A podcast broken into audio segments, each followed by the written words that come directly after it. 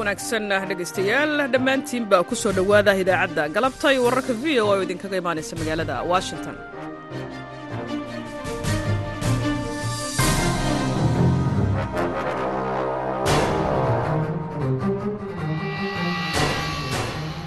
Waa maalin axada bisha febraayo ee sannadka kana waa waxaad naga dhegaysanaysaan mawjadaha gaagaaban ee lix iyo tobanka iyo sagaal iyo tobanka mitrban iyo bogga v o a somaly com saacadda afrikada bari waa afartii galabnimo idaacadda wararka galabtay wararka v o a. Waxaa idiin daadihinaya aniga oo ah caashe ibraahim aadan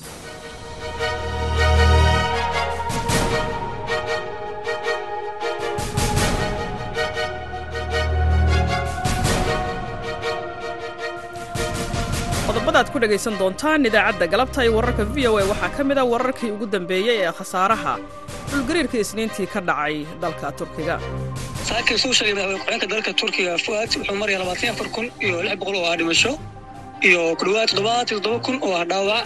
Sidoo kale waxaa jira khasaaro badan oo dhanka hantida ah. Ugu yaraan lixdan iyo lix kun iyo lix boqol oo guri ayaa hadda ilaa hadda sida la sheegay ku burburtay dhismaha oo ku yaalla magaalooyinka koonfurta turkiga oo kala duwan sidoo kale aad dhegaysan doontaan barnaamijkii wicitaanka dhegaystaha oo ku saabsan maalinta raadiyaha oo caalamka laga xusi doono berrito.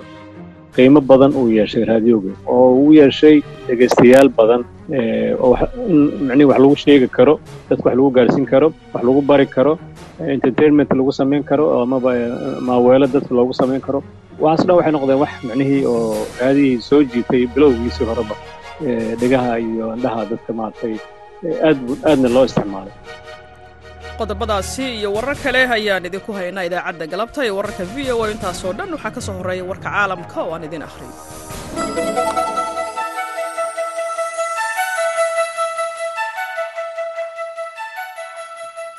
Taliska ciidamada maraykanka ee afrika ee loo soo gaabiyo africo ayaa sheegay in laba iyo toban ka tirsan maleeshiyada al-shabaab ay ku dileen weerar dhinaca cirka ah oo ay jimcihii ka fuliyeen degaano ka tirsan degmada hobyo sida lagu sheegay war-saxaafadeed ka soo baxay taliska. Africom ayaa sheegtay in weerarkan uu ka dambeeyey codsi uga yimid dowladda federaalk ah ee soomaaliya uuna ahaa mid isdifaac ah oo ay si wadajira u fuliyeen iyaga oo taageeraya ciidanka xoogga dalka soomaaliyeed ee wada howlgalka ka dhanka ah al-shabaab. Taliska ayaa sheegay inaysan jirin dad rayid ah oo ku dhintay amaba ku dhaawacmay duqayntan oo ka dhacday degaan fog oo qiyaastii shan iyo afartan kilomitir dhanka koonfur galbeed kaga beegan. Hobyo taliska maraykanka ee afrika waxa uu taageero siiyaa dowladda soomaaliya si ay wax uga qabato khataraha argagixisada waxaana keliya qayb aan ka nahay dadaalka maraykanka ayuu yiri taliyaha africom generaal michael langley samatabixiyaasha ayaa axaddan maanta ah waxa ay burburka dhismayaasha ka soo hoos bixiyeen ilmo yar oo toddoba bilood jira iyo gabara dhowr iyo toban jir ah waana ku dhowaad toddoba maalmood kadib markii uu dhulgariir xooggan ku dhuftay dalalka turkiga iyo suuriya kaasoo ay ku dhinteen dad ka badan siddeed iyo labaatan kun oo qof wiilka toddobada bil jira ayaa waxaa lagu magacaabaa xamza waxaana laga soo saaray koonfurta magaalada hatay muddo ka badan boqol iyo afartan saacadood. Kadib tan iyo markii uu dhulgariirku dhacay iyada oo gabadha saddex toban jirka ah ee lagu magacaabo esma suldaan iyana laga soo saaray dhismaha ku dumay magaalada la yidhaahdo gesentab sida ay sheegtay warbaahinta dowladda madaxa gargaarka qaramada midoobay martin griffins oo sabtidii booqday koonfurta dalka turkiga si uu u soo qiimeeyo. Baaxadda burbur ee uu sababay dhulgariirka ayaa sheegay inuu filayo in dhimashadu ay labanlaab kor u kici doonto. Tobannaan kun oo shaqaalaha gurmadka ah ayaa ka howlgelaya xaafadaha burburay. Inkastoo uu jiro qabow aad u daran taasoo kaga dartay darxumada haysata malaayiin qof oo hadda si quusa ugu baahan in loo gargaaro afhayeenka wasaaradda arrimaha dibadda ee ruushka ayaa sheegay fiidnimadii sabtidii in ay tahay in isbahaysiga neto uu qabto kulan deg dega oo ay kaga wada hadlayaan natiijooyinkii ugu dambeeyey ee qaraxyadii bishii sebteembar ka dhacay dhuumaha gaaska ee nord stream. Saxafiga waxbaara ee la yidhaahdo seymour hersha oo ku guuleystay abaalmarinta la yidhaahdo bulitzer sannadkii ayaa arbacadii waxa uu daabacay isagoo soo xiganaya ilaa aan la aqoonsan in ciidamada badda ee maraykanka ay burburiyeen dhuumaha. Aqalka cad ayaa warkaasi beeniyey waxaana uu ku sheegay sida hadalka loo dhigay been abuur la soo dhoodhoobay. Sheegashada ah in maraykanku uu ka dambeeyey qaraxyadii dhuumaha gaaska ee nord stream oo ah dhuumaha gaaska ruushka gaarsiiya dalka jarmalka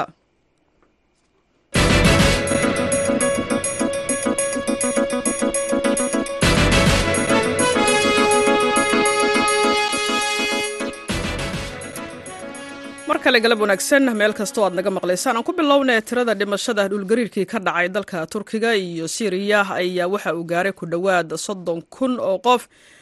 Dowladda turkiga ayaa waxa ay xirtay qandaraaslayaal dhismaha ah xilli ay weli socdaan howlaha samata bixinta dadka badbaaday kana badbaaday burburkii ka dhashay dhulgariirkaasi warbixinay v o edu arrintani ka qortay waxaa soo jeedinaya cabdixakiim maxamuud shirwac kooxaha samata bixinta wada ayaa sabtidii sii waday inay soo saaraan dadka badbaaday. Shan maalmood kadib ee dhulgariirkii cabirkiisu ahaa toddoba dhibic sideed ee magnitiyud ee ruuxay turkiga iyo suuriya. Qaar ka mid a howlwadeennada samata bixinta ka socota dalka turkiga ayay joojiyeen warbixinno la xidhiidha biliqa agtooda in ka badan siddeed iyo labaatan kun oo qof ayaana ku dhintay dalalka turkiga iyo suuriya sida ay mas'uuliyiintu sheegeen. Halka malaayiin qof oo kalena uu hoyla'aan baday dhulgariirkaasi martin griftis oo ah madaxa gargaarka qaramada midoobay ayaa sheegay inuu filayo in tirada dhimashadu ay labanlaabanto gobolka waqooyi galbeed ee suuriya ku yaalla ee macaaridku haystaan ayaana ahaa meesha ugu daran dalkaasi ee dhulgariirku uu ka dhacay. Madaxweynaha turkiga rajab tayib erdogan ayaa isaguna sabtidii sheegay in dhulgariirku ahaa masiibadii qarniga howlgallada samata bixinta turkiga ayaa la sameeyey iyada oo uu jiro burbur xooggan oo ka dhashay dhismayaasha dhaadheer ee soo dumay waxaana turkigu bilaabay sabtidii inuu xidho qandaraaslayaal kuwaasoo mas'uuliyiintu ay aaminsan yihiin inay mas'uul ka ahaayeen dhismayaal aan laga taxadirin oo soo dumay markii dhulgariirkuu dhacay iyo weliba kadibba david alexander oo ah barasare islamarkaana qorshaynta waxyaabaha degdega ka dhiga university college of london ayaa wakaaladda wararka ee associated press u sheegay in masiibadani ay sababeen dhis aan laga taxadirin balse aanu dhulgariirka ahayn. Eyoba mujo oo ah guddoomiyaha rugta qaabaynta dhismaha ee turkiga ayaa isaguna wakaaladda wararka ee associated press u sheegay in badi dhismayaasha soo dumay ee lagu dhisay agab iyo hanaana tayadooda ay hoosayso iyadoona la tixgelin habdhaqanka dhismaha ee dalka turkiga susan vandarley oo ah saynisyahana cilmiga dhulka. Sidoo kalena barasare ka jaamacadda northern university ayaa iyaduna olzem tina oo ah weriyaha v o a qaybta turkiga u sheegtay in dhulgariiro kan oo kale ah ay u eg tahay inay dhacayaan balse aan la ogeyn xilliga ay dhacayaan. Markaasina waxa ugu wanaagsan in la sameeyo ay tahay in loo diyaar garoobo intii suurtagala. Dhismayaashuna ay noqdaan kuwa badqaba intii suurtagala islamarkaana waxaa rasmiyan in loo sameeyo ay tahay waxaa la arko marka dhulku uu ruxmo. Mahadsaned cabdixakiim maxamuud shirwac oo inoo soo koobayay warbixintii ay qortay v o eda halkaad kala socoteenna. Laanta af soomaaliga v o a si toosa idinkaga imaaneysa magaalada washington. Haddaba turkiga waxaa weli ka socda howlaha samata bixinta dadka weli la la-yahay ee ay ku dumeen dhismayaasha. Kadib dhulgariirkii xooganaa ee isniintii ku dhuftay koonfurta dalkaasi iyo waqooyiga dalka ay dariska yihiin ee siiriya ilaa iyo hadda waxaa la xaqiijiyey in tirada dadka ku dhintay dhulgariirka ee dalkaasi ay ka badan tahay siddeed iyo labaatan kun oo qof iyada oo laga cabsi qabo in tiradu ay intaasi ka badato. Arday soomaali ah ayaa ka mid a dadka ku dhintay iyo kuwa lagu laayahay dhismayaasha burburay. Maxamed bashiir cabdiraxmaan ayaa wararkii ugu dambeeyey ee dhulgariirka iyo howlaha gurmadka socda. Waxa uu ka waraystay cabdiraxiin axmed nuur geindhe oo deganaa magaalada gazianteb oo ka mid ah kuwa uu sida aadka ah ugu dhuftay dhulgariirka laakiin markaan la hadlaynay safar u ahaa magaalada caasimadda ah ee ankara. Aada u maastay maxamed bashiir saaxiib. Xilliga ugu dambeeyey wuxuu maraya wararka khasaaraha turkiga soo gaaray. Saakay soo sheegay madaxweyne dalka turkiga fuad. Wuxuu maraya labaatan afar kun iyo lix boqol oo ah dhimasho iyo ku dhowaad toddobaad iyo toddoba kun oo ah dhaawac. Sidoo kale waxaa jira khasaaro badan oo dhanka hatida ah. Ugu yaraan lixdan iyo lix kun iyo lix boqol oo guri ayaa hadda ilaa hadda sida la sheegay ku burburtay dhismaha uu ku yaalla magaalooyinka koonfurta turkiga oo kala duwan. Haba ugu bandadan magaalooyinka kahramaraash iyo malatiya iyo gobolka hatay khaasatan magaalada iskendarum oo aad u burburtay iyaduna. Marka magaalada waxaa jira siday dowladdu sheegtay aad u muuqda in hataa ay ka baxeen qariirada turkiga maadaama marka loo eego guryaha gubtay siday shacabku sheegayaan marka xaggaas maray saaxib bal waxaad ka warantaa gurmadka ilaa iyo hadda ee dadku ay helayaan ee aaggaasi dhulgariirka ku dhuftay. Walaani uu gurmadka shacabka gurmadka adduunka iyo dhan walba dowladda turkiga waa laga soo garab istaagay. Laakiin waxaa muuqataa weli baahida yani muuqato si shacabku sheegayaan inaan la daboolin. Waxaana u sababa hay'adda musiibooyinka qaranka turkiga ee aafaad oo markii loo qiimeeyo aad iyo aad u dadaalaysa wax badanna qabatay. Haddana waxaa muuqataa musiibada inay tahay mid aysan ku tusanin ama yani karaamkeeda aanay ahayn maadaama yani almost labaatan boqolkiiba dadka waddanka ay saamaysay oo labaatan boqolkiiba dadka waddanka ku nool oo gaarayo ilaa afar toban milyan oo qof qof kamida guri ka dumay ama qof kamida qof ka dhintay ama qof kamida qof dhaco ka yahay waxaa moodaa dowladda marka loo fiiriyo musiibooyinkan oo kale in yani hay'addu ay aad iyo aad macnaha aysan ay wax badan waa qabato dadaashay laakiin arrimo badan weli ka dhiman yihiin aa moodaa oo musiibadda aad iyo aad u ballaareed marka loo fiiriyo waxay la filaya inay noqdaan ama ay dhacaan marka waxaa kaloo nagu maqaalaa in waddamada dunidu ay soo gurmadeen oo gurmad fara badan iyo badbaadiyaal fara badan ay goobta gaareen. Dabcan way jiraan wadamo badan oo markii u horeysaba waddamada iiraan iyo israa'iil iyo maraykankaa soo gurmaday. Sidoo kale hindiya wadamo badanaa soo gurmaday si dowladdu sheegtay oo ay u mahad celisay. Laakiin welina gurmadka u socdaayo waxaa weeyaan weli waa dhismo hadda maanta xilligaan kula hadlaayo waxaa arkay oday jira boqol iyo in ka badan oo sano oo laga soo badbaadiyey dhul ku yaalla magaalada malatia ee dalka turkiga isagoo ku jira almost ku dhawaad boqol saacadood. Marka weli waa socdaa gurmadku welina howsha waa socotaa laakiin weli maysa joogsano sida loo baana weli maaha weli waa socotaa gargaarku. Marka waxaad kaloo warbixin naga siisaa bal xaaladda soomaalida ee gobolkaasi ku nooleed ilaa iyo hadda tirada dhimatay iyo haddii ay jiraan kuwo weli lala-yahay wallaahi bashiirow soomaalida gobolka ku nool gobolka ugu daran waa gobolka maraash la yidhaahdo ilaa hadda soomaalida anaga xaqiijiyey waxay gaarayaan sagaal qof oo soomaali ah. Ilaa hadda aan kula hadlayo waxaa jiro afar gabdhood oo soomaali ah oo guri ku yaalla gobolka karamaraash ku jira. Ilaa hadda aan la soo bixin. Sidoo kale laba wiilaa jirto soomaali ah oo ilaa hadda aan la soo bixin laakiin saaxiibadooda guriga la joogay ay geeriyoodeen ilahay u naxariisto marka dowladdu iyo magaalada waxay sheegeen in weli la raadinayo geedaedka wiilasha laakiin gabdhaha aanba weli lagu guulayso in la soo bixin. Mid ka mid ah sababtuna ay tahay in yani guryihii u dhawaadho ay duumeen markay u baahan tahay guryaha geeska in la soo xakameeyo kadibna guryahooda la soo qufo oo laga raadiyo meydkooda ama dhaawacooda ama noloshooda. Marka tirada soomaalida maqan waa afartaasi gabdhood iyo laba wiil. Soo maha ha soomaalida xilligan maqan waa afarta gabdhood iyo laba wiil oo guud ahaan soomaali ah laakiin jabuutiyaan saddex gabdhood oo jabuutiyaan ah hal gabar oo soomaali ah iyo laba wiil oo soomaali ah weeyaan. Marka tirada dhimashaduna waa imisa inta la xaqiijiyey inta la xaqiijiyey soomaalida dhimashadu waa sagaal qofood. Oo wada arday ahaa. Oo wada arday ahaa. Gobolka maraash. marka adiga waxaad ka mid tahay dadka ku nool gasinteeb oo ah meeshii ugu badneed ee dhulgariirku uu ku dhuftay. Bal xaaladiina magaaladii mali weli ma joogtaan mise waad ka baxdeen? Bashiirow saaxiib. Gasanteeb waxaa ugu dambeysay saakay. Inkastoon aan ku imaaday safar oo kenya magaalada ankara xalay oon xalay tagay gasanteeb maadaama shalay madaxweynaha turkiga ku dhawaaqay in waxbarashadu tahay noqon doonto qaab online ah ama foga araga waxaan u tagay inaan ka soo qaato agabkayga sida kombyuutarada teleefonadeeda aan u isticmaali laha onlineka maadaama ka soo tagay markii hore.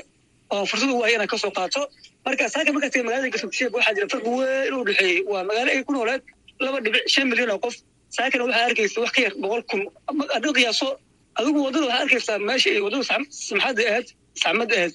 Inay ka hor imaanayaan shan qof laba qof qof. Maanta oo dhan ka socota marka magaalada laga qaxay yani waxaad dareemaysaa basoo kale markaad jaranaysid waxaad dareemaysaa inaad galaysa safad galaysa dheer oo qof walba wuxuu doonaya inuu magaalada uga baxo. Kaasi waxa uu ahaa cabdiraxiin axmed nuur gindhe oo uu warramayey maxamed bashiir cabdiraxmaan. Halkaad kala socoteenna waa laanta af soomaaliga ee v o a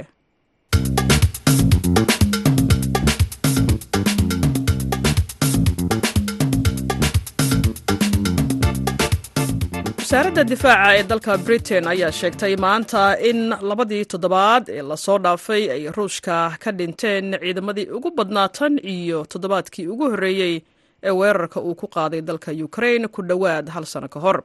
Warbixintan oo ay qortay v o eda waxaa inoo soo koobaya ibraahim xasan dandure indhendhayntan wasaaradda ayaa waxay ku salaysan tahay xogta ukrain oo sheegaysa in celceliska dhaawacyada ruushka ee toddobadii maalmood ee la soo dhaafay uu ahaa siddeed boqol iyo afar iyo labaatan maalintii. Taasi oo ka dhigan in ka badan afar jeer celceliska la sheegay bilihii juun iyo julaay. Wasaaraddu waxay sheegtay in tarkoobyadu ay ku salaysan yihiin laga yaabe inay tahay wax saxa xogta ukrain kor u kaca dhaawacyada ruushka ayay wasaaraddu sheegtay inay u badan tahay inay sabab u tahay dhowr arrimood oo ay ku jiraan la'aanta shaqaale tababaran isku duwidda iyo agabka kale. Hogaamiyaha kooxda wagner group ee ruushka ayaa saadaaliyey in dagaalka ruushka ee ka dhanka ukraine uu sii socon karayo si aan xad lahayn. Waraysi muuqaala ayaa yevgeni brugzin wuxuu sheegay jimcihii inay qaadan karayso siddeed iyo toban bilood ilaa iyo laba sano in ruushka uu si buuxda ula wareego xudunta warshadaha bari ee ukraine iyo dombas brigozin ayaa markaasi sheegay in dagaalku uu socon karayo saddex sano haddii moscow ay go'aansato inay qabsato dhul ballaaran oo bariga ka xiga webiga doniper warka sirdoonka u k oo la soo dhigay twitter-ka ayaa sidoo kaleeta sheegay in ukraine ay ku sii socoto inay gaarto heerar aada u sarreeya. Waran kooban oo jimcihii ka dhacay xarunta amniga maraykanka ee cusub ee chelestolander kaaliyaha xogeeyaha difaaca ee arrimaha amniga caalamiga ah ayaa sheegtay in milatariga ruushka guud ahaan ay yihiin sawir isku dhafan. Waxay sheegtay in iyadoo ruushka uu sii wado khasaaraha ka soo gaaraya ukraine uu sidoo kaleeto ku dabaqayo casharadii laga bartay si xaaladaysan howlgala iyo xoogaa istaraatiijiyad ah si uu ula qabsado. Aqalka cad ayaa jimcihii ku dhawaaqay in madaxweynaha maraykanka joe biden uu u safri doono poland labaatanka bishan february si uu ula kulmo madaxweynaha poland duda iyo xulufada bariga yurub. Booqashadan biden ayaa waxay imaanaysaa waxyar ka hor sanad guuradii koowaad ee ka soo wareegatay markii ruushka uu duulahan ku qaaday ukraine afar iyo labaatankii bishii february waxayna si cad u caddaynaysaa in maraykanka uu sii wadi doono garab istaagga ukraine ilaa iyo inta ay qaadanayso ayuu yidhi john kirby afhayeenka golaha amniga qaranka ee aqalka cad. Ku dhawaaqista ayaa waxay imaanaysaa kadib duqeyno xoogan oo ruushka uu geystay jimcihii oo lagu bartilmaameystay dad rayada iyo kaabayaasha rayadka ah sababayna koronto la'aan cusub weeraradii ka dhacay ukraine jimcihii ayaa dib u soo cusboonaysiiyey baaqyada ku saabsan gargaarka hubka ee ukraine. Madaxweynaha golaha yurub charles michel ayaa sheegay in gantaalada riday ay keenayaan dembiyo dagaal. Ibraahim xasan daandurey ayaa inoo soo koobayay warbixintaasi oo ay qortay v o e da halkaad kala socoteenna waa idaacadda galabnimo ee laanta af soomaaliga ee v o a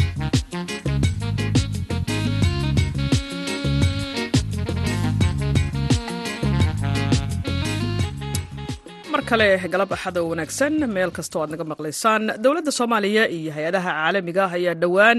Mar kale waxay soo saareen codsiga sanadkan ee gargaarka bani'aadminimo ee wax looga qabanayo abaaraha laguna gargaarayo dadka baahan. Haddaba codsigan hay'adaha iyo dowladda soomaaliya waxaa warbixintan nooga soo diray wariyaha v o eda xasan kaafi cabdiraxmaan qoyste. Dowladda soomaaliya iyo hay'adaha caalamiga ee ka shaqeeya arrimaha gargaarka bani-aadinimo ayaa dhowaan dalbaday inay u baahan yihiin adduun dhan laba bilyan iyo lix boqol oo milyuun oo dollar oo wax lagaga qabto xaaladaha abaaraha soomaaliya sanadka labada kun iyo labaatan iyo saddexda waxayna hay'aduhu sheegeen in sideed milyan iyo laba boqol iyo konton kun oo soomaali ah ay wajahayaan xaalad adag. Haddaba sidee loo arkaa qayladhaanta ka soo baxday hay'adaha gargaarka oo ku soo beegmaya xilli dowladdu ay dagaal kula jirto ururka al-shabaab? Su'aashaasi ayaan hordhigay wasiirkii hore batroolka maxamed mukhtaar ibraahim oo si dhow ula socda arrimaha abaaraha dalka. Codsigan ka yimid hay'adaha ka shaqeeya arrimaha gargaarka ah ma aha wax cusub waa wax arrin ay sameeyaan sanad walba. Inkastoo sanadkan ay dalbadeen laba dhibic lix bilyan oo dollar si loo caawiyo dad gaaraya toddoba dhibic lix milyan. Haddii aad dib u eegto sannadkii ka horreeyay laba kun labaatan iyo labadii waxay codsadeen hal bilyan iyo dhibic afartan iyo lix. Kii kaleo ka sii horrey markaa fiiriso oo sannadkii laba kun labaatan iyo kowda hal bilyan iyo jajab ayay dalbadeen. So marka waa arrin ay sameeyaan mar walbo si looga gargaaro dadka soomaaliyeeda baahan. Caqabadaha haysta marka arrimaha gargaarka waa laba arrin arina waa gaarsiin arina waa awoodda maamulidda ah. Marka inkastoo wadanka dee abaaro ka jiraan colaado ka jiraan wax walba ay ka jiraan balse labada caqabadoo mar walba ay kala kulmaan hay'adahaas faraha badan ee ka shaqeeya arrimaha soomaaliya. Waa labadaas arrin marka waxaan rajeyneynaa haddii a la yihahdo in unde wixii la qaban karo markaas in la qabto. Arrinta oo dagaalka ah dee dagaalka ma aha wax soomaali ay dalbatay maaha wax dowladda dalbatay maaha wax ay dadka soomaaliya dalbadeen maaha waa arrin dee dhibaato hortaagan oo shabaab uu ku hayo. Marka waa lagu qasban yahay in mar walba dagaalkaas la sii wado. Arrimahana mucaawanada dee inta markaa si nabad ah lagu gaarsiin karo in nabad ah lagu gaarsiiyo oo ay daba socdaan. Sidoo kale doctor axmed daahir shaafi oo bartay siyaasadda iyo xiriirka caalamiga ayaa ka warbixiyey aragtidiisa ku aadan sida wax looga qaban karo abaaraha ka jira dalka. Soomaaliya si aad og tahayba sanadihii ugu dambeysayba abaaro isdaba socdo oo isdaba jooga baa ku dhuftay shan sano roob rasmi ah oo geeska afrikaba kama diin gaar ahaan soomaalida dhulka ay degto intiisa badan. Soomaalidu xaalad adag bay ku jirtaa oo abaareed caalamkana hay'adihii wax bixin jiray. Waxaad moodaa in ama dadkii deeqbixiyaasha ahaa ama dowladaha ahaadaan ama hay'adaha ahaadaan in ay ka sii jeedaan soomaalida qaab dhaqankeeda ama hay'adaha gacanta ku haya mucaawadada soomaaliyeed sida ay u maamuleen intaa waxaa dheer iyada oo adduunku dagaalo ay ka jiraan oo dagaalkan ukraine si guud ahaan hay'adaha inta badan ay xagga u sii jeedaan oo corona oo dhacay. Haddana dhulgariirka ku dhuftay maxay ahayd dalka turkiga arrin iyaduna arrinta way sii adkeynaysaa waxaan dhihi lahaa soomaalidu hay'adahan dowladdu si rasmi ah ula tacaamusho waxa ay bixiyaan iyo meesha ay ku bixinayaan iyo meesha looga baahan yahay qorshaha dowladdu waa inay ka timaado si waxa ay hay'aduhu sheeganayaan wax macnogal ah oo ummadda soomaaliyeed wax u qabta ay u noqdaan. Duniye maxamed cali oo ka mida ururada bulshada rayidka ayaa soo jeedisay in loo baahan yahay in dowladdu hogaamiso howlaha gurmadka abaaraha islamarkaana ay iyadu u xulato dad aqoon u leh deegaanada ay abaaruhu saameeyeen. Hay'adahan internationaalka ah ee iska ordaayo waa inay dowladda hay'adaha lowkalka ah oo meeshii u leh awoodda iyo hay'adihii internationaalka ruuxadooda ama donaris iyo dowladdii wixii in laisla jaan qaado oo si wada jir ah wax looga qabto. Islamarkaasna dowladda ay liidgarayso liidka dowladda dadka ay u diraysana inay noqdaan dad tayo leh waayo arag leh aqoon ku filan u leh ama deegaankii aqoon u leh ama dadkii aqoon u leh waxaa la rabaa qof aan jihadiiba kale ka saynin oo waxiiba kale ka saynin marka loo xilsaaro waa ayadan dhibaatada meesh meeshay ka sii soconaysaa. Laakiin dadkii ku shaqada lahaa oo muddooyinkii sanadihii la soo maray ama wixii la soo maray ogaalka u ah in wax laga wareysto oo hawsha ay qeyb ka noqdaan.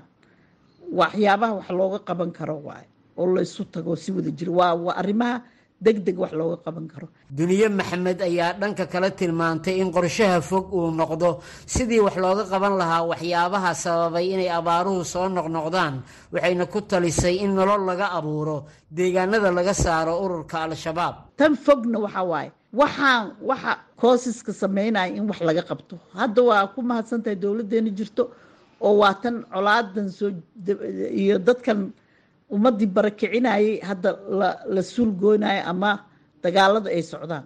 Marka dagaalada naftirkooda waxaa la rabaa meesha dagaalka la xoreeyey in nolol laga abuuro si aanay dadka uga soo qaxin oo magaalooyinka ugu soo ururin.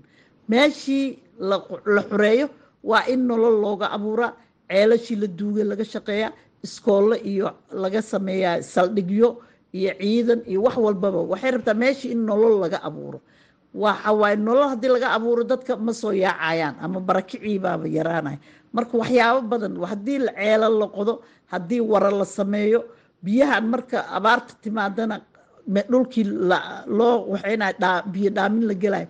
Oo markii aaranku dhacana oo dadki biyihii qaadayo oo daadad qaadayaan in qorshe fog laga sameeyo. Taa iyo tanna in la isku wado ayaa looga bixi karaa. Xasan kaafi qoyste v o a muqdisho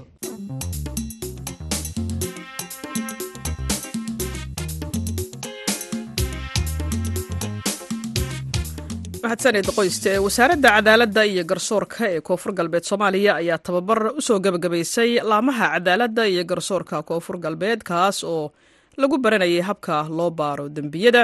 Warbixintan waxaa magaalada baydhabo ka soo diray mukhtaar maxamed catoosh tababarka waxaa ka qayb galay dhammaan hay'adaha ku shaqada leh baarista dembiyada baarayaal ka socday saldhigyada xubno ka socday maxkamadaha iyo xafiiska xeer ilaalinta iyo ciidamada asluubta iyo shaqaale ka socday wasaaradda cadaaladda dowlad goboleedka koonfur galbeed soomaaliya. Tababarka muddada uu socday waxaa diiradda lagu saaray ka hortagga dembiyada sida ay u wada shaqayn lahaayeen laamaha dembi baarista iyo cadaaladda iyo sharciga in loo sinaado sida uu sharaxayo xeer ilaaliyaha guud ee koonfur galbeed aadan mukhtaar xasan oo ka qayb galay tababarka.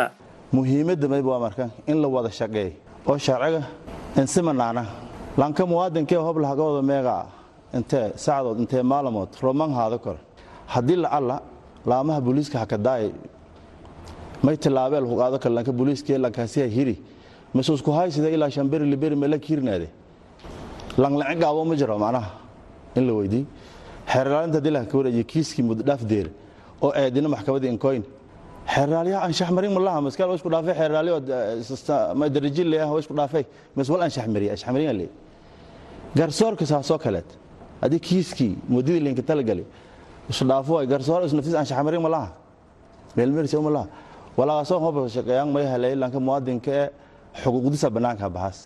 wasiirka cadaaladda dowlad goboleedka koonfur galbeed soomaaliya xasan cabdiqaadir ayaa sheegay tababarkan inuu muhiimad gaara u leeyahay laamaha cadaaladda iyo garsoorka iyo dembi baarista. Tababar la siiyo tababarkaas kadibna la feeriyo qaabkii oon shaqeeya. C i d da geebtanka muhiimsan wasiirka sheegay xeer ilaalintii maxkamadoogii asluub oo yeenahaayasu iyo wasaaraddii oo guudhaan lamadii wasaaradood oo guudhaan hay'adoogasay hoos kooyayaan in may la raayso dadka isugahay horta tababar la siiyo tababarkankii koowada ningay wali fadaana walaay hatu ku dambeey guriganunku obsana sharciganunku obsado fadaan laakiin ay dad geysii kore mustawgaas reer koonfur galbeed ay geysii kore isugu dadka sharciga ku shaqeeya haddii degmo rooga lahay haddii gobol rooga lahay haddii meel kasta rooga lahay qofka reer koonfur galbeed wali la faday in cadaalad halo dembiilaha way qobdeen laakiin cadaalad in halaya muhiim ah wasiirado wasaaradda amniga iyo wasaaradda cadaaladda wali gacmoo iska qobsanay un in dadka ka shaqeeya cadaaladda marka hore capacitysho la dhiso meeliyoo ka shaqeeyaanna meel suitable enagata kadib laakiin una dib anfeerino cadaaladda dadkaana una halaaw maadaama mas'uuliyad gaara na saaranta mas'uuliyad guudna saaranta in cadaaladda qaabka lan halaaw una feerino siinka ammaanana shaqooyinkiisan horeyhan qobateen markasna garabkiinga adna laakiin wali la faday tababaradana siinbadayaana tababarada markii la qaada kadib ficil shay inuuna aragno baydhabo wali la array meelo kiisas yahanuun daayanayo degdega wala array lanki landil la kadilaaw lanki dembe gala markiiba banaanka la hasaaro wala array taasa la sii xoojiyo fadaan. Oo dad reer koonfur galbeeda inay cadaalad doonana al-shabaab inay cadaalad doonana ama deegaan kale inay cadaalad doonana oo cadaaladii laka kalsoonadaya fadaan. Tababarkan ayaa ku soo beegmaya xilli shacabka ay ka caban jireen habka loo maareeyo dadka lagu eedeeyo dembiyada kala duwan kuwaasi oo mararka qaarkood ay dhacdo qof aan maxkamad la geynin in muddo maalmo ah lagu hayo saldhigyada. Mukhtaar maxamed catoosh v o a baydhabo.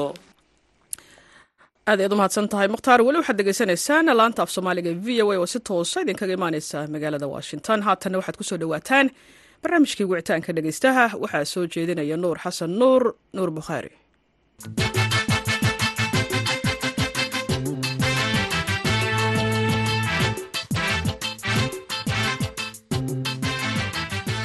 Kulanti wanaagsan dhegaystayaal isniinta berita ah oo ku beegan saddex iyo tobanka febraayo waxay ku astaysan tahay maalinta ay qaramada midoobe u aqoonsatay maalinta caalamiga ah ee raadiyaha. Soomaaliya waxay ka mid tahay dalalka uu raadiyuhu yahay kan ugu saameynta badan dhinaca qalabka warbaahinta. Sidaas daraaddeed ayaan toddobaadkan barnaamijka wicitaanka dhegaystaha ku eegi doonaa muhiimadda raadiyaha ama idaacadaha ee soomaaliya waxaa marti iigu ah faarax cumar nuur oo muddo ka badan afartan sano ka soo shaqeeyey warbaahinta soomaaliya. Faarax waa xokayaha guud ee ururka u dooda xuquuqda saxafiyiinta soomaaliya ee loo soo gaabiyo fesog sidoo kale faarax waa macalin iyo tababare saxaafadeed faarax cumar nuur wariye sare ee soo dhowow ku soo dhowow barnaamijka wicitaanka dhegeystaha aada mahadsan tahay nuur beri oo isniin ah waxay ku beegan tahay maalinta raadiyaha adduunka. Marka raadiyow haddii aan dul istaagno bal muhiimadiisa iyo waxa uu dunida ka bedelay inta aanan soomaaliya u imaan. Bismillahi raxmaan iraxiim horta raadi wuxuu ku bilowday baahi dadka in wax la gaarsiiyo. Sida waxaa ka horreeyey daabacaad wax la akhristo journaal ka horreeyey marka raadi markuu yimid ninkii ugu horreysa sameeyeyna ninkii talyaaniga ahaa ahaa oo kun sideed boqol sagaashan shantii marconi oo sameeyey wax aalad wax lagu dhegeysta oo intuu asaga qof ka baxo qof kale uu maqli karo. Marka fursaddaas waxay ahayd fursad qaali oo maaragtay dad wax lagu gaarsiin karo. Marka tiyo meesha ka bilaabatay yaa waxaa dhacday in muxuu ahaa qiimo badan uu yeeshay raadioga oo uu yeeshay dhegeystayaal badan oo in macnihi wax lagu sheegi karo dadka wax lagu gaarsiin karo wax lagu bari karo entertainment lagu samayn karo amaba maaweelo dadka loogu samayn karo. Waxaas dhan waxay noqdeen wax macnihii oo raadihii soo jiitay bilowgiisii horeba dhegaha iyo indhaha dadka maaragtay aad aadna loo isticmaalay. Marka raadiya wuxuu noqday aaladii maaragtay ka dambeysay daabacaadda qoraalada oo aad maaragtay muxuu ahaa qiimo badan loo siiyey kadib waxaa ka daba timid uun telefishinka ka daba yimid internetkiyaa yimid laakiin qiimihiisii weli ma dhicin sileena waxa meel walbaa laga dhegeysanaa muxuu ahaa magaalo iyo mi kulli waa laga dhegeystaa meesha telefishinka uu ku ekaan karo meel koronto inaad heli kartid. Inta waxyaabahan kale maarata social media dhexdana internet in loo baahdo dhici karto. Raadiyaha meeshaas baadiyaha qofkii joogo raadiyaha yariiska maarata oo isticmaalayo wuxuu gashana battery kadibna wuxuu ka dhegeysanaa wararka maaragtay idaacaddiisa ama mid fog ha ahaato mawjad gaaban ku hadasho ama mid mawjad dhexe ku hadasho amaba f m macnihii oo deegaankiisa wax la xiriira maaragtay. Marka raadiga qiimahaas badan uu yeeshay oo soo koray waa wax badan oo isbedela marka. Waayahay haddii aan soomaaliya u nimaano bal ka waran taariikhda raadiyaha ee soomaaliya taariikhda raadiga soomaaliya wuxuu ahaa wuxuu ka soo bilaabanaya kulley xilliyadii isticmaarka waddanku haystay.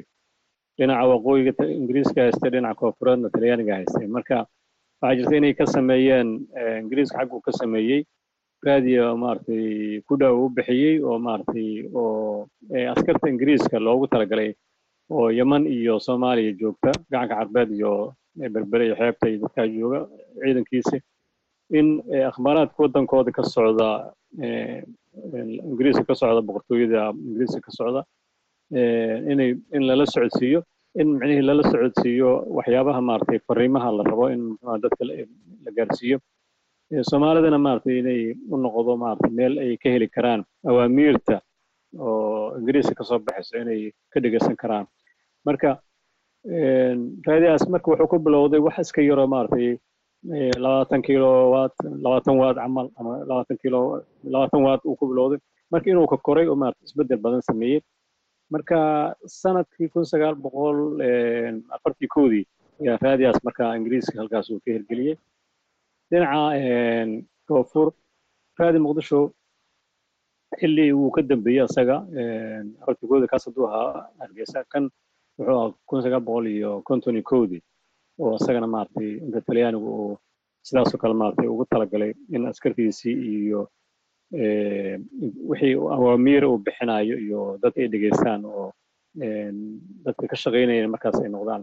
Dad muxuu ahaa oo talyaaniya iyo markii dambe maaragtay lagu soo daray dad soomaaliya maaragtay inay ka shaqeeyaan. Marka taariikhdaas bilowga taariikhdaas uu lahaa kadib musuq maasuqii dowladdii lagu tilmaamayay maaragtay dowladdii rayidka ahayd yaa muxuu ahaa waxaa dhacday in raadiyaasha marka raadiya uu mawjadahaas hargeyso iyo kan iyo la kordhiyo oo wax fiicanna marka lagu daro. Marka idaacadda dibadeedna maaragtay b b c doo kale iyadana maaragtay xaggaa laga dhegeysan jiray mawjadaha gaagaaban ku hadli jirtay.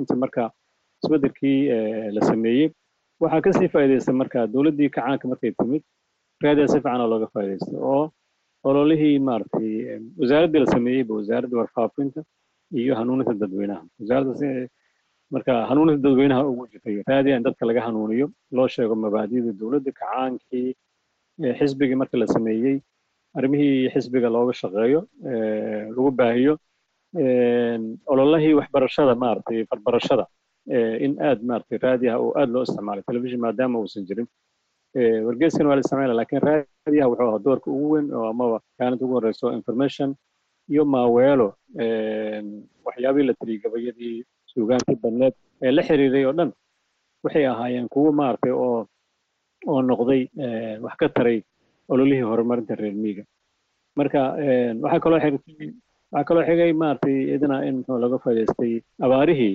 wixii markaas xilligaas dhacay sidii gurmadkii la sameynaya abaarihii in muxuu ahaa suugaan badan la sameeyey raadiga laga sii dan jiray warka lagu muxuu ahaa wararka abaaraha la xiriira maaragtay lagu sheegi jiray gargaarka imaada lagu sheegi jiray. Waxaa kaloo jiray af carbeedka maaragtay markii hala barta la yidhi qoraalka af carabiga maaragtay. Barnaamijyo fiican oo maaragtay laga sii dan jira jira raadi muqdisho iyo raadi hargeysada oo dadku lagu baraayay. Jaamacadda carabta maadaama soomaaliya ku biirtay in xilligaas ay noqoto raadi muqdishona maaragtay barnaamijyo laga sii daayay journaalkuna ugu soo bixi jireen laakiin raadiya wuxuu ahaa faarax akaa dhexgale ee xilligaas ma jirin soo maha laakiin warbaahin madax bannaan oo ka madax bannaan dowladda oo dadka la hadasho. Marka laga reebo raadiyo muqdisho oo dowladda uun u adeegsanaysay in ay dadka ku jihayso xilligii rayidkana raadi muqdisho oo dowladda lay lahayd iyo raadi hargeysaba laakiin xilligii kacaankana haddana intaas waxaa lahaa uun dowladdaa lahayd. Marka xilligaas oo rayidka waxaaba jirayba maarata wargeysyo madax bannaan oo soo baxay oo oo dad kala gaar ay leeyihiin shaksiyaad iska leeyihiin qaarkood qaarkoodna ay leeyihiin ururo ay leeyihiin. Inta laakiin markii kacaanka xilligiisa raadi muqdisho aad aa loo isticmaalay. Waa ma jirin wax oo oo raadi kale oo maaragtay oo oo cid yeelan karta maba jirinba. Wax walba maaragtay xataa hantidii dalka oo privateka loo lahaa waa waa waa waa lala wareegay waa hanti wadaagaa laga dhigay. Dalka dalka dal hanti wadaagu ahaa. Xisbi hanti wadaag kacaanka soomaaliya xukumayay. Ay haddii aan u nimaano burburkii kadib kun iyo sagaal boqol koob iyo sagaashankii kadib waa markii ay soo baxeen warbaahinta madax bannaan gaar ahaan idaacadaha f m ka. Qaarkoodna lahaa mawjado gaagaaban. Marka bal iyana maxay ku soo kordhiyeen maxay ka bedeleen maaragtay mujtamaca soomaaliyeed idaacadahaas burburkii markuu dhacay horta sanooyinkii u horreeyay o dhan wuxuu noqday waxay ahaayeen sanooyin maaragtay oo wargeysyada le xoogaa yar soo kaceen oo wargeyskina uu ahaa. Wargeys warqadan airport la yidhaahdo maaragtay lagu daabaco oo wax badan aan xoog badan information badan ama war badan baan lagu qori karo laakiin warka haddana dadka siiya. Wax yar marka la joogay idaacadda waxaas ka bilowday maaragtay locala oo shaksiyaad ama shirkada ay samaysteen oo micnihii bilow u ahaa in muxuu ahaa waa sanooyin dambe oo maarata oo shan sano lix sano todoba sano kadib yaa taasay bilaabatay. Ilaa waktigaas marka sanooyinkii hore waaye oo maaragtay marka la yidhaahdo sagaashan iyo sideeddii iyo sagaashan sagaalkii iyo labadii kun iyo idaacadaha marka waa soo korayeen dhowr idaacadooda maarata muqdisho keliya ka bilowday. Gobollada qaar kalea ka bilowday.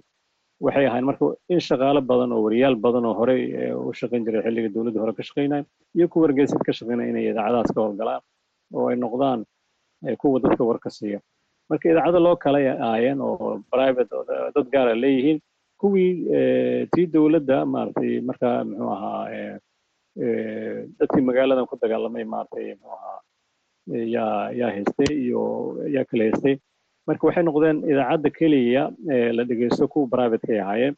Kuwaasna marka isbebedelkii dhacay qaarkood waa xirmaan qaarkood haddana dib u furmay. Kuwa maaragtay ilaa hadda maaragtay oo magacooda un ka haray bas sidoodii kale ay u joogsadeen.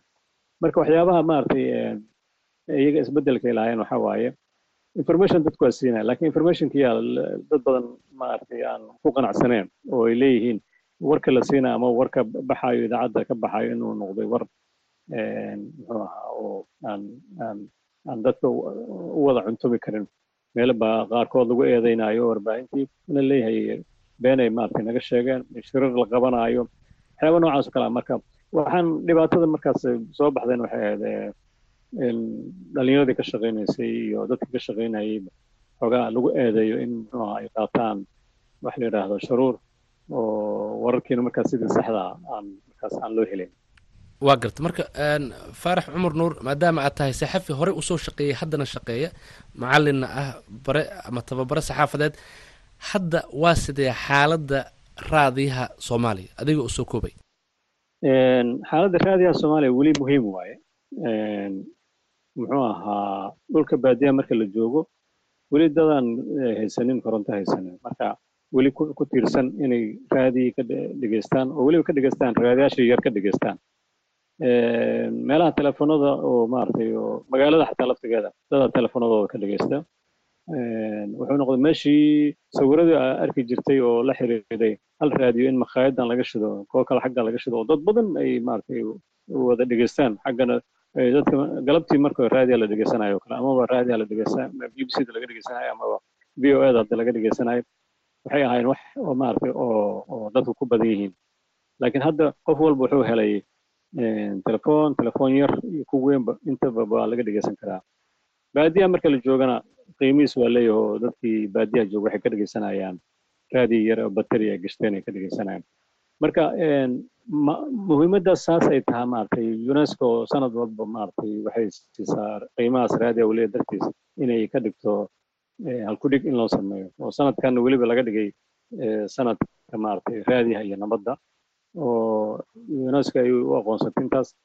Marka dabaaldega maanta kale maaragtay loo sameynaayo oo waxaa la rabaa in muxuu ahaa unesco ka waxay sheegaysaa waxay leedahay dabaaldeg keliya lama rabe hala dabaaldego laakiin waa in looga dabaaldegaa nabadda xaggeeda loogu dabaaldegaa marka annaga taas waana khusaysaa soomaaliya haddaan nahay nabadaan u baahannahay marka mujtamaca soomaalida waxyaabaha ay ka shaqaynayaan oo dadka ku dhiiran inay nabadda ka shaqaynayaan idaacadaha iyo inay aad maaragtay xoog u saaraan barnaamijyo ka sameeyaan oo la xiriira waxyaabo qabsoomay shirar guulaystay shirar maaragtay nabadeed oo la qabanayo doodo la sameynayo raadiyaha laga sameynayo sanadkan dhan halku dhigan haddii lagu shaqeeyo oo xoog la saaro idaacadaha ay xoog saaraan waxaan rajaynaa in wax weyn ka soo bixi karaan oo la dhihi karo waxa waaye halheeskaas amaba halkudhigaasi maaragtay waa waa hirgelin. Unesco waxay kaloo awooddaa inay maaragtay ay sameyso barnaamijyo oo muxuu ahaa hore wax loo qabta ah amaba kuwa hadda socda oo beejkoodii maaragtay laga degsan karo oo la isticmaali karo. Waxaa kaloo ay sameysay saddex iyo toban ra'yi oo maaragtay xuskan lagu lagu lagu lagula dabaaldegi karo oo kii la rabo maaragtay idaacad walba say rabtay qaadanayso. Idaacadda inay nabadoon noqoto ay ka rabaan marka. Waa garta waa yahay iigu jir kaalinta dhegeystayaasha ayaan aadi doonaa. Dhegeystaha ugu horreeya aan wada dhegeysano magacaygu waa maxamed deeq yuusuf macalin waxaan ahay weriye ka howlgala ee magaalada jowhar ee xarunta gobolka shabeellaha dhexe. Waxaan jeclahay inaan su'aal weydiiyo profesorka raadiyaha markii laga hadlayo wuxuu ahaan jiray ama laga yaabe inuu hadda yahay isha keliya ay bulshadu ka helaan xog rasmi ah. Laakiin sanadahan dambe waxaa aad ciriira u geliyey waxa loo yaqaano social media ama baraha bulshada oo aad ugu xoog batay idaacadaha.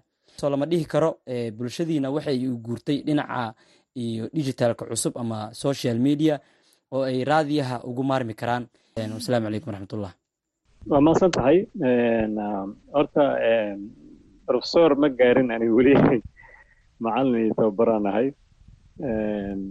Arrintaasaa sheegaysa waa dhab maaragtay baraha bulshada aad loogu xiran yahay. Laakiin raadiyihii maaragtay qiimihiisi kuma harin intaas oo baraha bulshada laftigiisa waa soo galay idaacad walba oo shaqaysa oo muxuu ahaa ka shaqaynaysay dadka war siinaysay maaweelo siinaysay intaba maaragtay hadda barihii bulshadai soo galeen oo deej ku leeyihiin oo ay barnaamijyadooda ka sii dayaan. Marka waxaa la ka tegayaan dadka qaarkii qof dadka internetkaasa fursadaasay heli karaan waxa waaye baraha bulshada inay galaan. Haddii uu raadiyahaga jowhar ku yaallo maaragtay rabaan inay dhegeystaan uu ku jiro barta bulshada ku jiro kaas meeshay ka dhegeysanayaan arrimihii maaragtay wuxuu ka maarmaa inuu ka dhegeysto maaragtay raadiyo kale intuu soo qaado bateri geliyo uu ka maarmaa laakiin baraha bulshada qiimihii uu ku leeyahay maaragtay raadiyaha. Banaankana weli waa ku leeyahay oo dadkii baadiyaha ka dhegeysanayo raadiyaashii caadiga ahayd. Marka isbeddel badan ma jiro. Dhinaca digitalka la wada guuray maaragtay oo telefishinada xataa meeshay wada galeen. Meediya dhammaan maaragtay maaragtay xaggaas u wada guuray maadaama internetkii loo laakiin raadiyaha weli wuxuu ku sii xoogan yahay dhulka baadiyaha oo dadkii ay ka dhegeysanayaan raadiyihii ay yaqaaneen oo bateriga ay gashanayeen marka qiimahaasuu weli leeyahay.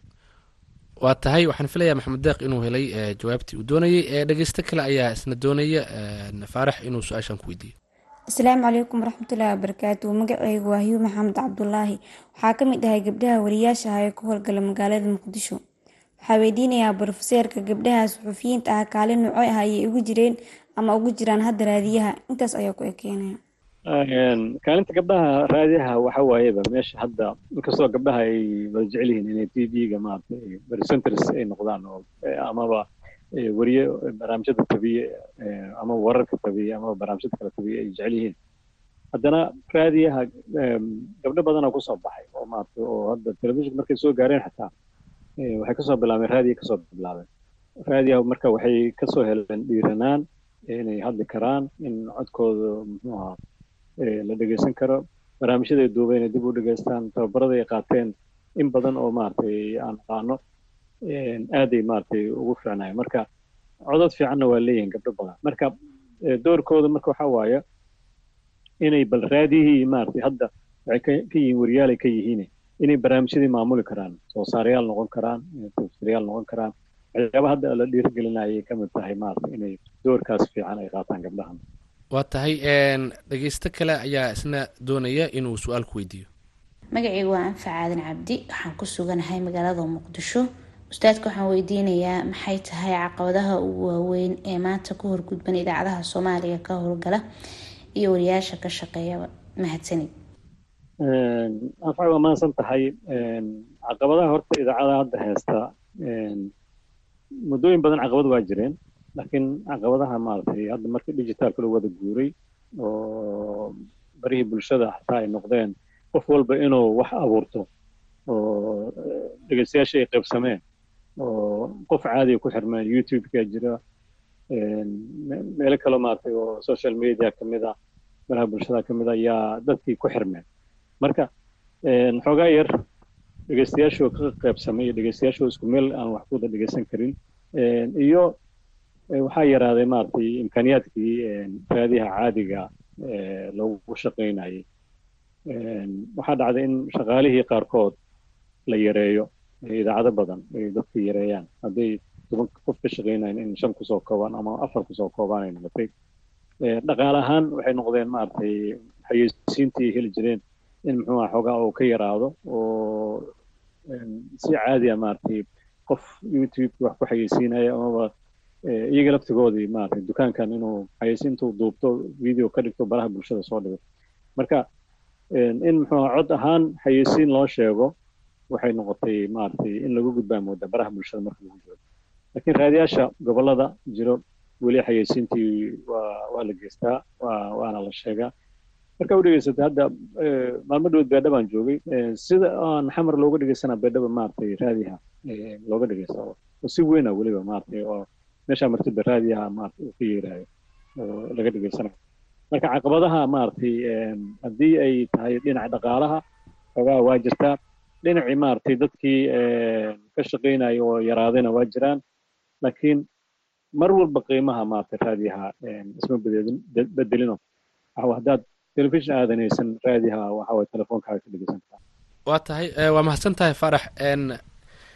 Raadiyaha soomaaliya waxaa ka sheegaysay muhiimadiisa iyo sida weli uu u yahay maaragtay warbaahinta ugu muhiimsan. Marka xaguu ku socdaa marka maadaama social mediahii sida hadda lagu weydiiyey maaragtay dad badan ay kala socdaan warbaahinta telefishinada ay soo bateen.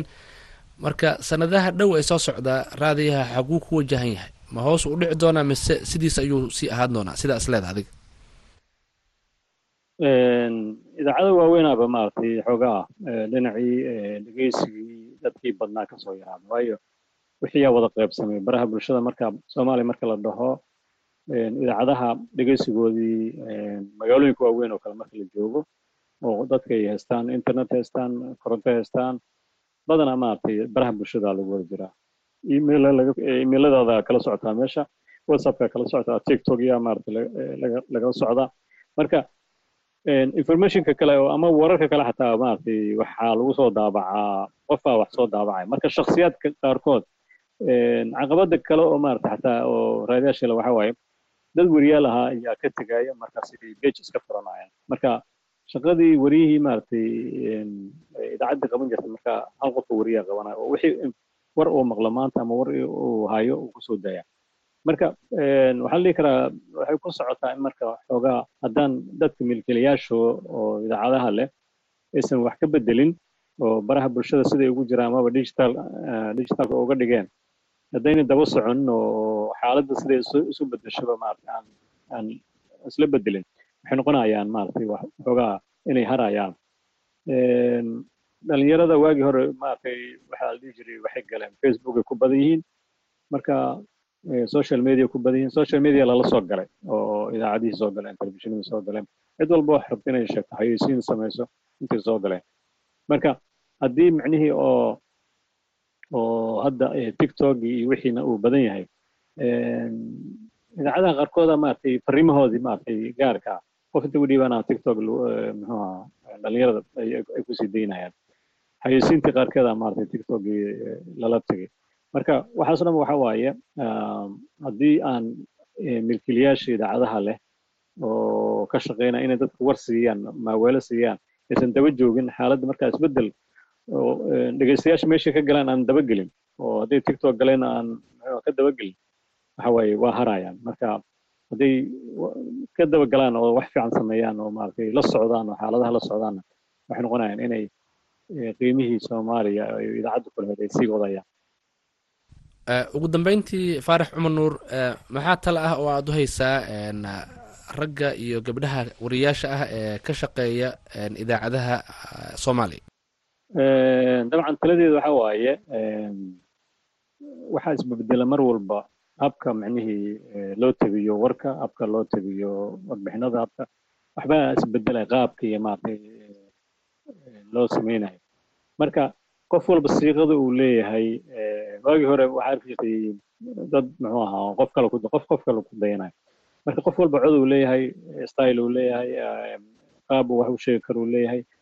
Marka inay wanaajiyaan maaragtay hadday wariyaal yihiin oo hadlayaan ay wanaajiyaan hadday muxuuha wax soo saarayaan ay noqdaan waxay soo saarayaan barnaamijyada sida micnihi tababarada annaga aan bixina waxa waaye aad ay maaragtay arrimaha noo khuseeyaan oo warbixinada raadiyaha warbixinada telefishinka maqaalkii iyo sida loo qoray. Marka taladaasina waxa inay bal tababaradan ka faa'iidaystaan oo waxyaabaha maaragtay tababarada lagu bixiyo urada iyo maaragtay bixiyaan macallimiinta kale iyo kulli ay kaga faa'iidaystaan inay xirfadoodii ay horumariyaan. Xirfadaas horumarisa waxay ku keenaysaa in muxuu ahaa horumar aad ka samaysad haddaad raadi ka shaqaynaysay in muxuu ahaa wax fiican maaragtay aad ka dhigaysatay ama ama internetka laftigaa ku yeelan kartid.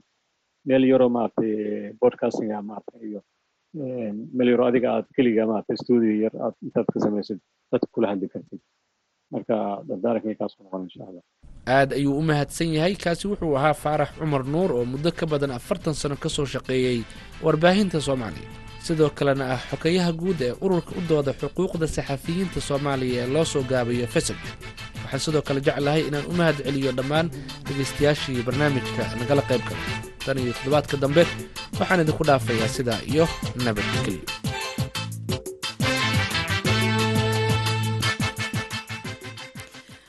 aad ayuu mahadsan yahay nuur xasan nuur bukhaari. Ayaa barnaamijka wicitaanka dhegaystaha soo diyaariyey halkanna ka soo jeedinayey. Halkaad kala socoteenna waa idaacadda galabtay wararka v o a oo si toosa idinkaga imaanaysa magaalada washington. Maqalkaasi muusiga ee dhegihiina soo gaarayana waa heesta istar iyo codka allah u naxariista ee fanaanka cumar nuur cabdulle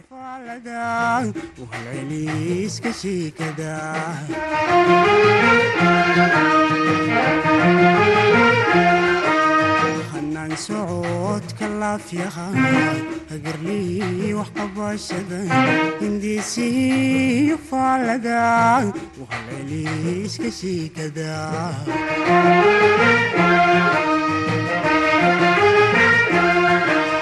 haddaan caana lagu qabin aman hooyadeed korin ma haysin asluubta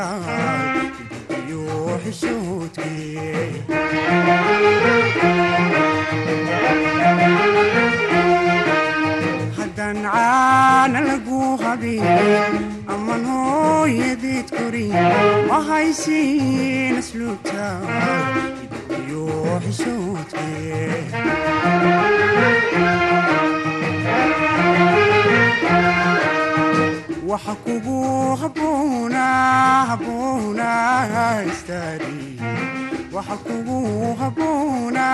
habboona istaari harirahaanugaani kiwada hariiriya. Marka roobka uu helo oo xariidu haradiyo hoos jiiftogeeda hoos jiiftogeeda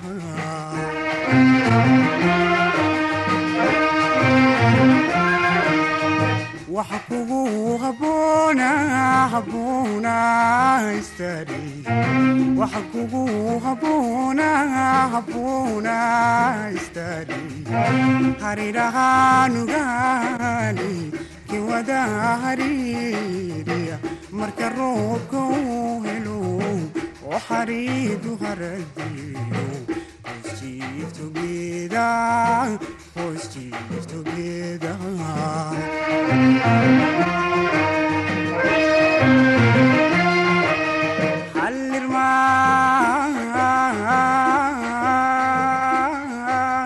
hallirmaan sidii halilaad kumaashan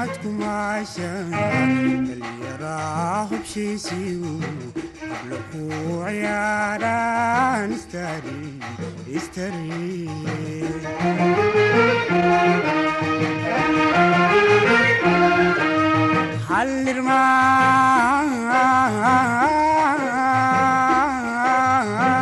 hallirmaan sidii halilaad kumaashan yaraa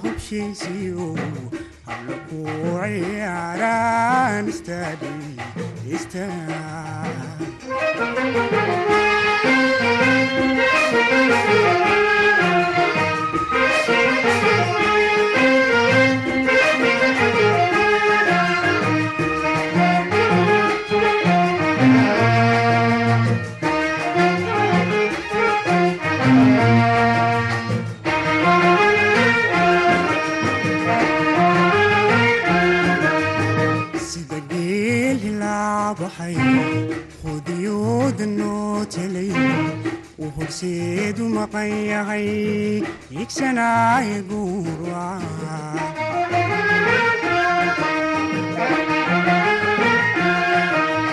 sida geel hilaabaxay qudiyooda noo telay uu horseedu maqan yahay igsanaaye goor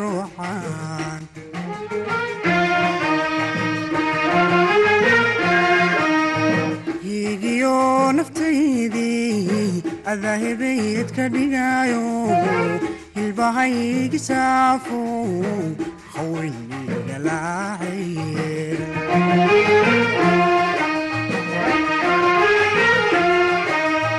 hiigiyo naftaydii adahibayd ka dhigayo hilbahaygi saafo haweynigalaacaye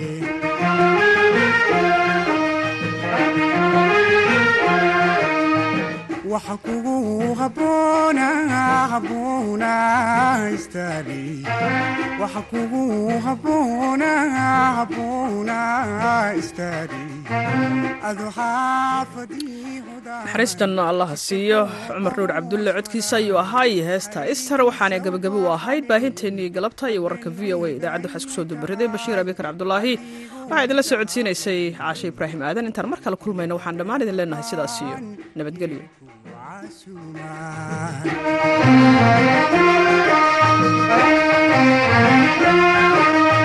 waxa kugu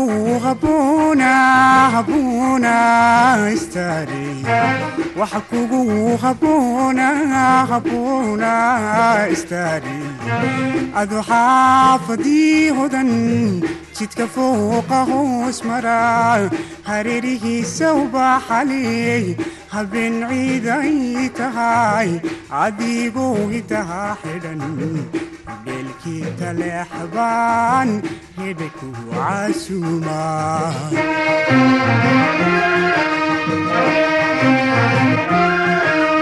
hallirma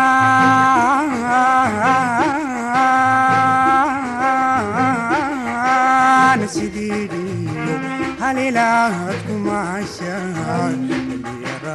hubsiisiyo hablakuya